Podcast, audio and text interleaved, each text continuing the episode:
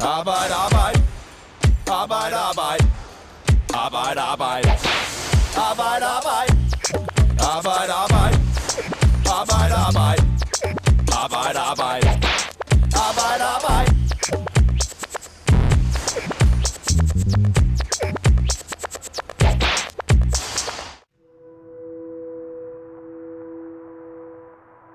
1. januar 2020 rejser Nerius Pilibaitis fra Litauen til Danmark for at arbejde på et gardneri i Nordjylland.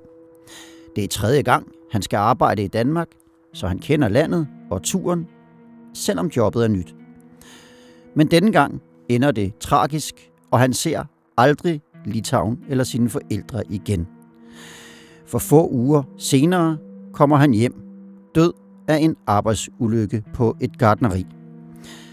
Dermed skriver han sig ind i en lang række af dødsulykker på danske arbejdspladser, og desværre er der langt flere dødsulykker i Danmark end i vores nabolande. Velkommen til Arbejde Arbejde. Mit navn det er Morten Olsen. Og over for mig der står Asger Vest fra Fagbladet 3F. Velkommen til dig, Asger. Tak skal du have. Og med på en netforbindelse, der har vi Kent Nielsen, der er seniorforsker på afdelingen for arbejdsmedicin ved Regionshospitalet i Gødstrup. Er det ikke rigtigt kendt? Det er helt rigtigt. Velkommen til dig også. Tak skal du have. Asger Vest, øh, du har sammen med din kollega Morten Halskov skrevet en række artikler om arbejdsulykker og dødsulykker på danske arbejdspladser ja, gennem meget af din tid på, på Fagbladet 3F, men også her i den forgangne uge. Og der har I også set lidt nærmere på Nerius Pilibaitis sag. Kan du sætte lidt flere ord på, hvad det er, der sker for ham? Ja, han, øh, han arbejder på det, der hedder Limfjords øh, danske rodfrugter, mm. som er en af, af landets største producenter af grøntsager. Og den her skæbnesvanger dag, så er han på arbejde og kravler op på et produktionsanlæg, mens det kører. Det gør han, fordi han vil op og kontrollere og lave nogle rettelser på anlægget. Mm. Der, hvor han kravler op, der er der sådan nogle, en slags togskinner i cirka 3 meters højde, hvor han ligger med overkroppen ind over den ene af skinnerne, og så kommer der sådan en cirka 2 tons øh, tung øh, vogn, som kører og fordeler de her øh, rodfrugter i siloer, som øh, rammer ham, så han bliver fastklemt. Og hjemme i Litauen, der sidder hans forældre og får en dag et opkald fra litauisk politi, der overbringer den her tragiske nyhed. Og jeg ved, at din øh, kollega, Morten Halskov, har talt med Nerius Pilibaitis mor igennem en tolk. Hvordan oplever hun den dag, hun, øh, hun får nyheden? Jamen, både hende og hendes mand og, og deres datter, altså den afdødes øh, søster, går fuldstændig i chok. Han har, mens han har været i Danmark, har han ringet hjem til sin mor øh, stort set hver dag og fortalt, hvordan det gik på arbejde og så videre, så hun går fuldstændig i chok, og hun bliver angst og, og kan ikke sove og ikke slappe af og så videre. Okay. I de seneste fem år har vi i gennemsnit haft 32 dødsulykker om året. Det svarer til tre om måneden, eller flere, end der kan sidde i en almindelig elbybus hvert år. Der er flere dødsulykker i Danmark end i Sverige og Norge, når man ser det i forhold til arbejdsstyrkens størrelse. Det svarer faktisk til, at en dansk arbejder har næsten dobbelt så stor risiko for at dø på jobbet som en svensker. Og så vil jeg gerne spørge dig, Kent Nielsen. I hvilke brancher er det typisk, vi ser øh, flest dødsulykker? Ja, vi kan generelt pege på, på tre brancher, hvor der, der er sådan de store øh, sønder på det her område. Det er, det er landbrug, det er transport, og det er bygge- og anlægsbranchen. og man kan sige, at det, der, der kendetegner de her brancher, det er, at det er brancher, hvor der er store kræfter i spil, der kan, der kan skade mennesker. Altså hvis vi ser på, på landbruget, så arbejder man med store maskiner og, og, og store dyr, Øh, hvis vi kigger på transportsektoren, så er det biler og, og fart. Og når vi kommer ud i bygge- så er det det at være for eksempel arbejde i højde, og der er tunge materialer.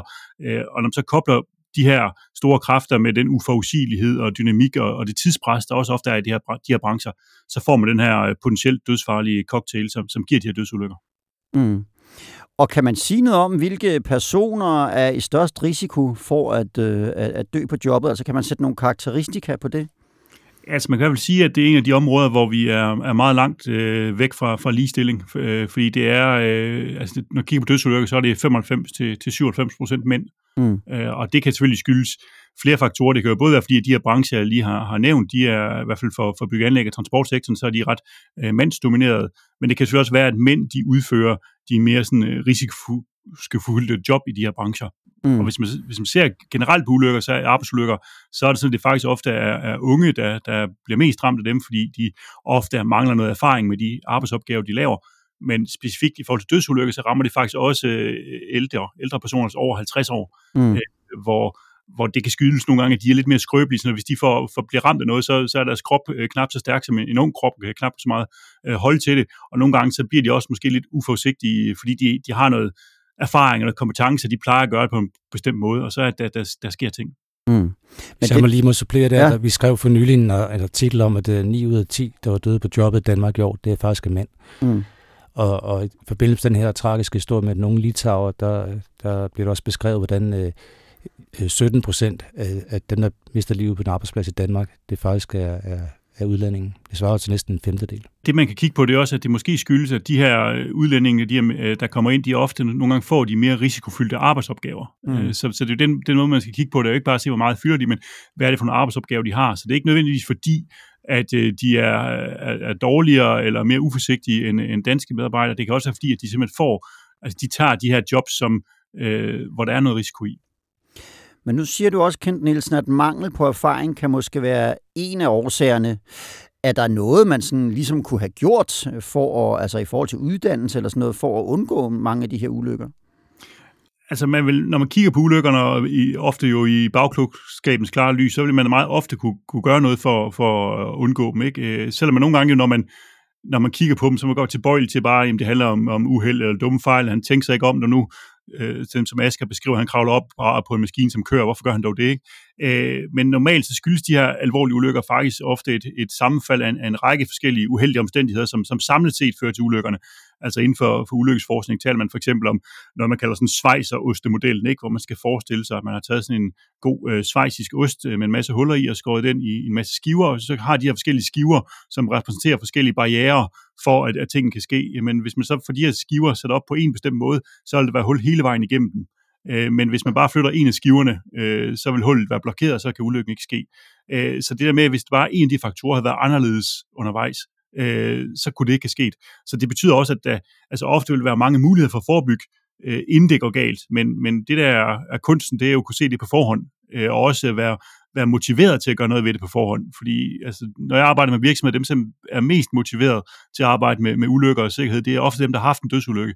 Øh, dagen efter dødsulykken er sket, så kan der man gøre en masse ting, og man kan investere en masse, og, og, og der er mange ting, der lade sig gøre.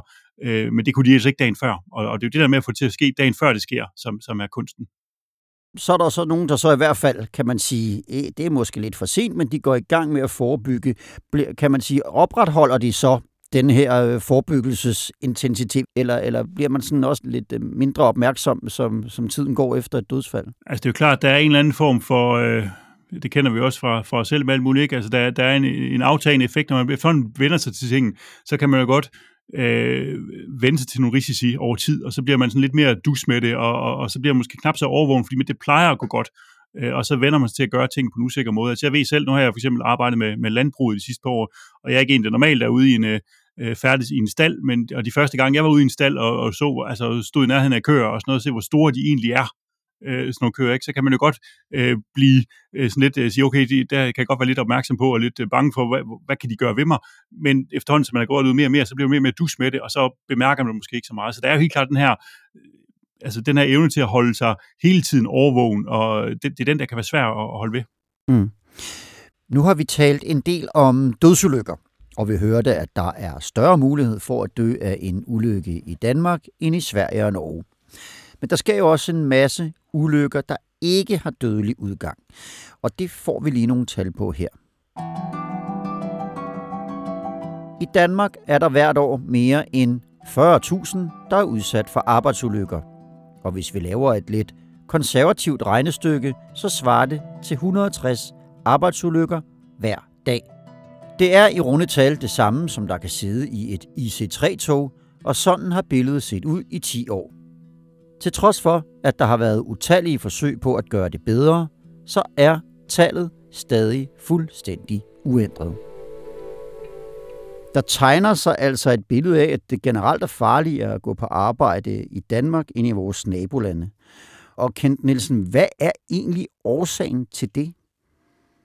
Ja, det er jo et øh, meget komplekst spørgsmål, som, som der desværre ikke findes noget øh, simpelt svar på. Øhm, for nogle år siden så undersøgte jeg nogle kollegaer, både her fra Danmark og fra Sverige, forskellen mellem den, den danske og svenske bygge- og anlægsbranche, for netop at kigge på den, den forskel her og sige, hvad er det, kan vi forklare øh, nogle af de her ting? Og, og vi fandt, at der var en række øh, ting på både individ- og virksomheds- og samfundsniveau, som kan være en del af den forklaring her, hvorfor det ser anderledes ud. Altså det spænder fra altså forskelle i, i virksomhedsstørrelse, hvor man for eksempel i Sverige har flere store virksomheder, end man har i Danmark, og vi ved, at store virksomheder ofte har bedre styr på arbejdsmiljøet end, øh, end små virksomheder. Vi kan se, at der er en større andel af faglærte i Sverige end i Danmark. Øh, de har også færre ulykker end ufaglærte. Øh, vi kan se noget på ansættelsesvilkårene. Vi kan se, at ledelsestilen er anderledes, hvor man i Sverige har en mere involverende ledelsesstil, og også mere fokus på at overholde regler og, og procedurer gennem ledelse, øh, som jo også er en vigtig del af det her med at kunne, kunne arbejde sikkert. Og så også nogle ting helt ned på, hvor, på de enkelte byggepladser, ikke? hvor god er man til samarbejde, og hvor meget fokus har man på de langsigtede konsekvenser af det, man gør. hvor fordi sikkerhed er ofte en langsigtet gevinst.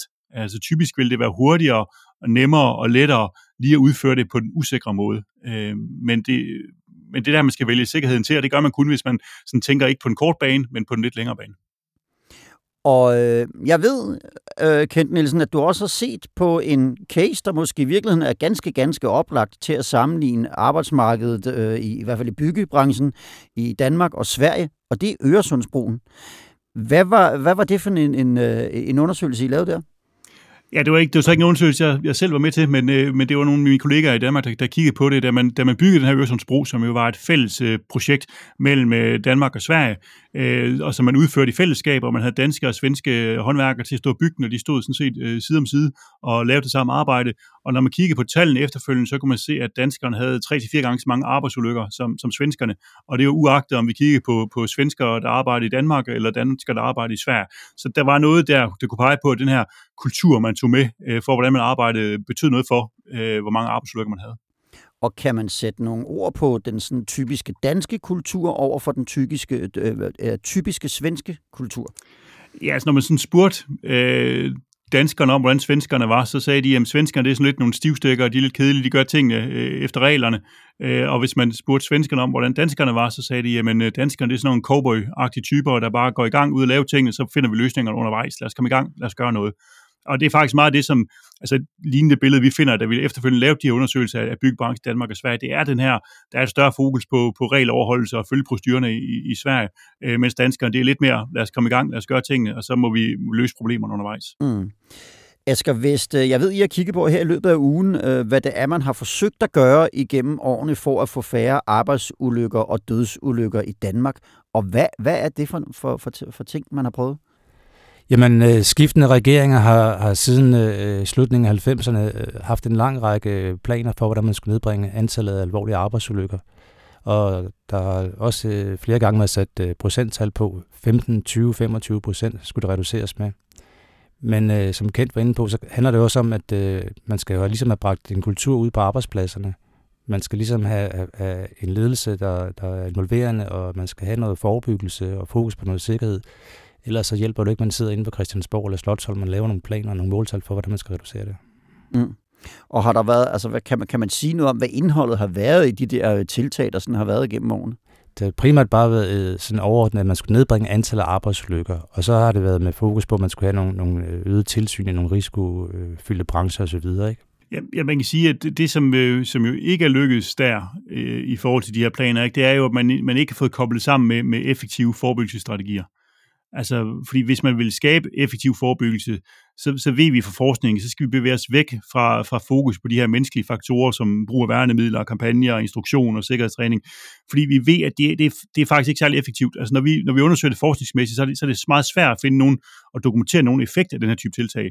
Øh, I stedet skal vi over kigge på de mere sådan overordnede og, og grundlæggende forebyggelsesstrategier, der, der fokuserer på at fjerne det, der er farligt, eller at adskille det, der, der er farligt fra det, der kan skade. Øh, altså hvis jeg giver et eksempel på det, så kan jeg tage fra, øh, fra landbruget, hvor jeg i, i, i en seneste periode har arbejdet med at kigge på håndteringsulykker med, med kvæg, øh, fordi det, det er en del af det, der giver, giver problemer. Folk, der bliver rent over af, af køer, for eksempel. Øh, og der er det sådan, at, at for eksempel, når man skal øh, drive køer til klovbeskæring, det er noget, som køer ikke kan lide, og køer, det er et byttedyr, så hvis der er noget, de ikke kan lide, så flygter de fra det. Øh, så hvis man går ind øh, og driver i en drivgang, der er 3-4 meter bred, og prøver at drive nogle køer hen mod øh, en klovbeskæringsmaskine, så er der en stor sandsynlighed for, at nogle af dem de vil vende sig om, og så er en risiko for, at de løber over menneskerne, hvis de står bag ved dem. Der har vi i stedet gå ind og, og komme med nogle anbefalinger til, hvordan man skal bygge stalle, og sige, jamen lad os bygge stalle med smalle drivgange, hvor der kun kan være én ko af gangen, øh, så de ligesom kan gå en ko af gangen efter hinanden, og så kan menneskerne komme ud fra drivgangen, så de går udenfor, så der er en barriere mellem køerne og mennesket, samtidig med, at konen ikke kan vende sig om. Så har vi lige pludselig en sikker arbejdsopgave, øh, og vi er fri for at skulle instruere folk i, hvordan skal vi øh, drive køer, og hvordan skal vi øh, holde øje med, når køer de flygter og sådan noget. Så, så det er en måde, hvor man kan lave en effektiv forebyggelsesstrategi, i stedet for at have fokus på øh, nogle kampagner på, hvordan gør du med køer og sådan noget. Og så vil jeg gerne spørge, hvad er det så, man til gengæld har gjort i Sverige og Norge, som man ikke har gjort i Danmark, som gør, at billedet til synligheden ser anderledes ud deroppe? Ja, men det er jo det, er jo det der, hvor der ikke rigtig er nogen enkelt ting, som man har gjort, som, som bare lige kan overføres til Danmark. Det, det er jo noget, når vi, når vi sammenligner på tværs af landet, så spiller de her kultur- og samfundsmæssige strukturer en stor rolle for, hvad der sker, og, og det er ret komplekst. Mm. I Norge der har vi tidligere skrevet om, at der, har de, der falder hammeren jo nogle gange virkelig, virkelig hårdt, hvis det, en virksomhed har en dødsulykke. Der taler vi om bøder i, i millionklassen, hvor vi har hjemme øh, på et tidspunkt øh, kortlagt, hvad de 10 højeste bøder, der var blevet givet, var, og de lå øh, lidt, lidt over 200.000. Svenskerne har til gengæld en nul-strategi, eller nul-vision, som simpelthen handler om, at man ikke vil øh, have nogle dødsulykker på, på, på de svenske arbejdspladser. Den er vedtaget af den svenske regering, og det svenske arbejdstilsyn laver løbende analyser af de dødsulykker, der sker. Man kan faktisk gå ind på deres hjemmeside, den nærmeste ja, to klik, og så kan du se, hvad der er sket af dødsulykker den seneste måned, hvorhen, hvilken branche, hvem er det, der er omkommet, køn, og så videre, så videre, så videre. Så de analyserer alt, hvad der foregår deroppe i Sverige. Og, og den her nulvision, den handler også om, ikke bare om dødsulykker, men den gælder faktisk også de op mod 3.000 mennesker, som man i Sverige vurderer dør af asbestrelaterede kraftsygdomme, af af, hvad er det, af kemikaliepåvirkning på arbejde, af kvartstøv, der bliver udsat for på arbejde, eller stress, natarbejde, hårdt fysisk arbejde. Mm. Det ønsker man også at nedbringe.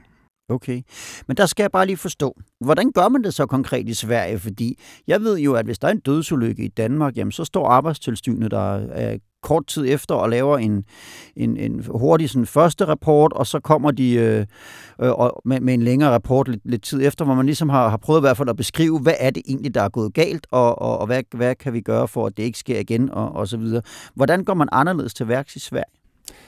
Jamen, sådan som jeg nu snakker med projektlederen for, for deres øh, hvad er det, nulvision, ikke? og de går jo ind og analyserer på det. Når arbejdstilsynet de går ud og laver en, en tilsynsrapport efter en ulykke, så beskriver det jo primært, hvad, hvad der er sket, og så spørger de øh, arbejdsgiveren eller repræsentanter for arbejdsgiveren, om den, den pågældende kom til skade, var instrueret i arbejdet osv. osv., osv. Svenskerne går ind og analyserer på det, og budskabet over for Sverige er jo, at stort set alle, eller faktisk alle dødsulykker kunne have været undgået. Og Asger Vest, jeg ved, du også i løbet af ugen har haft fat i øh, beskæftigelsesminister Peter Hummelgaard. Og hvad siger han til den udvikling, øh, vi har, vi, har, vi har stået med i de seneste år? Eller hvad skal måske sige, mangel på samme? Der har ikke rigtig været nogen udvikling jo. Jamen, han, øh, han erkender jo blankt, at øh, antallet af arbejdsulykker herhjemme er alt for højt. Og han erkender, at der skal gøres noget ved det. Og han erkender også, at der ikke er nogen nem og hurtig løsning på det. Det bliver et langt, sejt træk.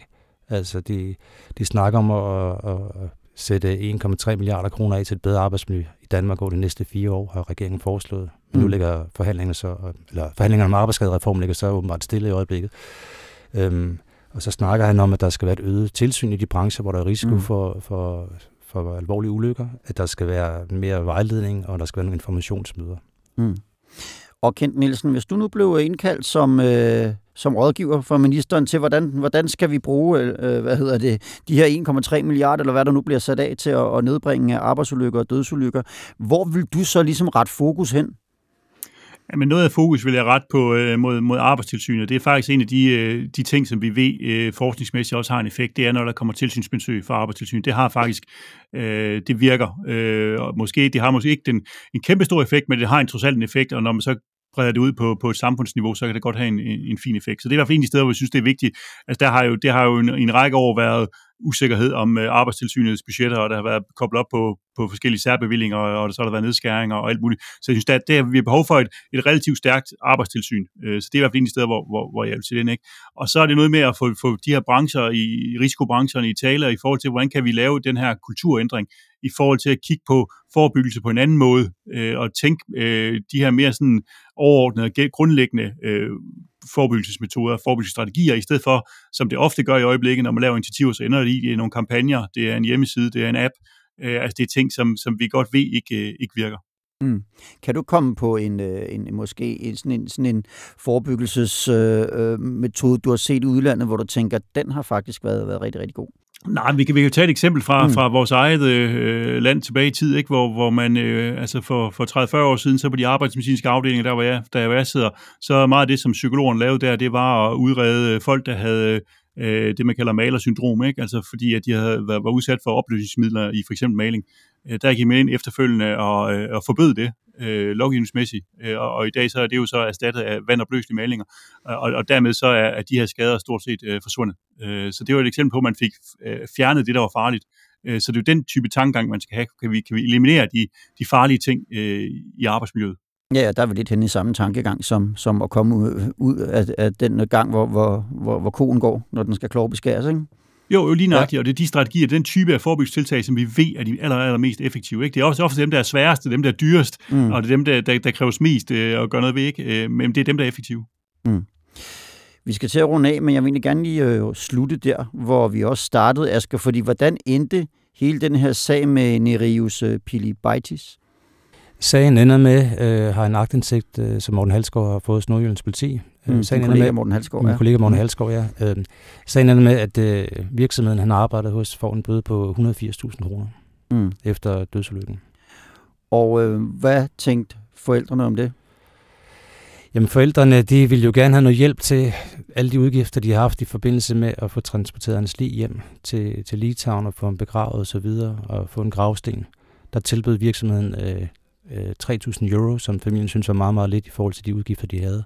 Og mm. de ender med slet ikke at have nogen kontakt eller få nogle penge. Mm. Og de har også forsøgt at se, om de kunne få nogle, nogle midler via arbejdsmarkeds erhvervssikring, og det lykkedes ikke. Der var ikke nogen erstatning for tab af forsørger, eller et indgangsbeløb, eller et såkaldt overgangsbeløb til at dække de udgifter, der har været i forbindelse med, med begravelsen. Mm. Det var på det tidspunkt, han døde, så kunne man få op til 115.000 kroner, og det fik de så afslag på. Mm. Og Begrundelsen var, at han ikke havde nogen ægtefælle eller samlever eller børn, og at øh, han, der var ikke dokumentation for, at han havde forsørget sine forældre. Det er nogle tragiske sager, som I har haft øh, fat i her på det seneste øh, over på Fagbladet 3F. Man kan gå ind og læse alle de her historier, og jeg ved, du har også lavet sådan en hel opremsning af alle de der tiltag, der har været igennem de seneste mange år, uden at øh, det rigtigt har flyttet noget. Så der ligger masser af godt læsestof til jer inde på fagbladet 3f.dk.